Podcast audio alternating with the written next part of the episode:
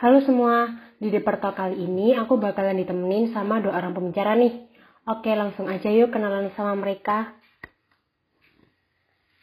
Halo, perkenalkan, nama aku Putu dari jurusan Teknik Fisika 2017 divisi Programming bagi Bina Mata. Ya, dan kenalan, aku Berto dari jurusan Informatika angkatan 2018 dari, dari divisi Programming Banyu Bramanta.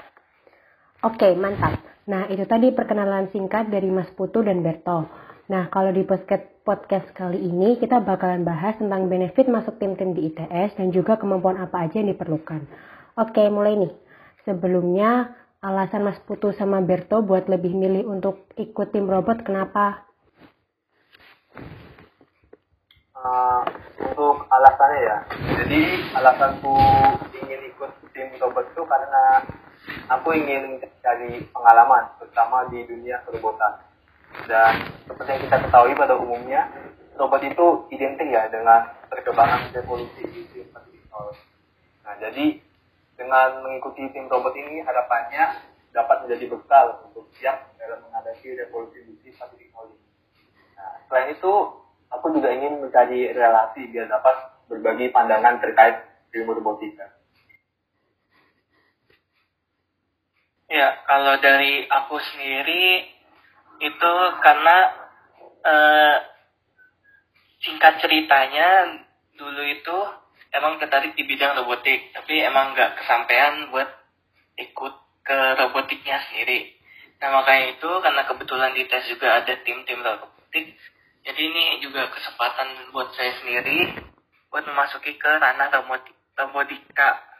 Apalagi dengan sistem kuliah yang hitungannya dalam tanda kutip lebih bebas jadi kita kayak bisa lebih fleksibel dalam ngatur waktu buat fokus ke robotiknya juga buat kekuliahan selain itu alasan keduanya sih kurang lebih ya sama kayak Mas Putu ya biar lebih nambah ke pengalaman sama lebih ke relasi ke orang-orang yang baru sih.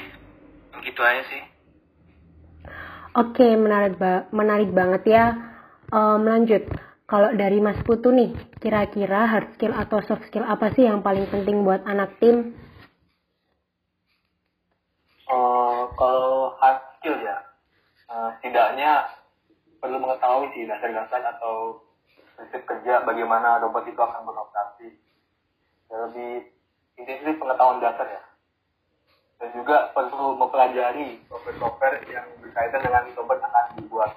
Nah, contohnya saya untuk divisi programming itu paling dasar lah setidaknya paham mengenai bahasa C++ sama mengenai IDE Arduino. Nah, kemudian kalau untuk soft skill ya, kalau menurut saya soft skill yang diperlukan itu satu itu memiliki komunikasi yang baik. Yang mana itu komunikasi itu baik dalam satu divisi maupun keseluruhan. Nah, mengapa? Jadi biar tidak terjadi miskom dan menghindari hal-hal yang tidak diinginkan nantinya. Nah, kemudian untuk skill yang kedua itu kerjasama. Nah, jadi berada di tim itu pastinya kerjasama itu tidak dapat terhindarkan. Jadi dengan kerjasama yang bagus itu pastinya progres atau hasil yang diinginkan itu pasti akan semakin mantap gitu. Oh gitu ya mas. Nah kan kalau itu kemampuan udah. Kalau dari Berto nih, benefit apa sih yang kira-kira bakalan kita dapat kalau join tim-tim di ITS? Uh, eh, kalau untuk benefit sih, menurut aku sendiri ya lebih ke arah sama itu relasi di luar jurusan, apalagi yang buat anak-anak rantau yang teman sekolahnya beda, beda jurusan. Atau bahkan yang nggak se kampus lah bahasanya. Itu kan lebih kayak ya kurang temen lah ya bosan biasa. Nah habis itu juga yang berikutnya itu bisa berpartisipasi dalam lomba-lomba yang yang tentunya dapat membanggakan membanggakan ITES juga. Selain itu juga yang terakhir dan yang paling jelas ya emang nambah ilmu dalam hal-hal robotika yang tentunya uh, tidak diajarkan atau bahkan baru semester atas atau semester-semester akhir yang uh, materinya akan diajarkan di jurusan kita masing-masing itu sih Hmm, boleh banget tuh Bert. Nah, terakhir nih buat Mas Putu sama Berto, harapan buat tim-tim di ITS ke depannya apa? Uh, untuk harapan ya, untuk harapan tim-tim ITS ya semoga ada inovasi-inovasi terbaru dari robot di masing-masing tim.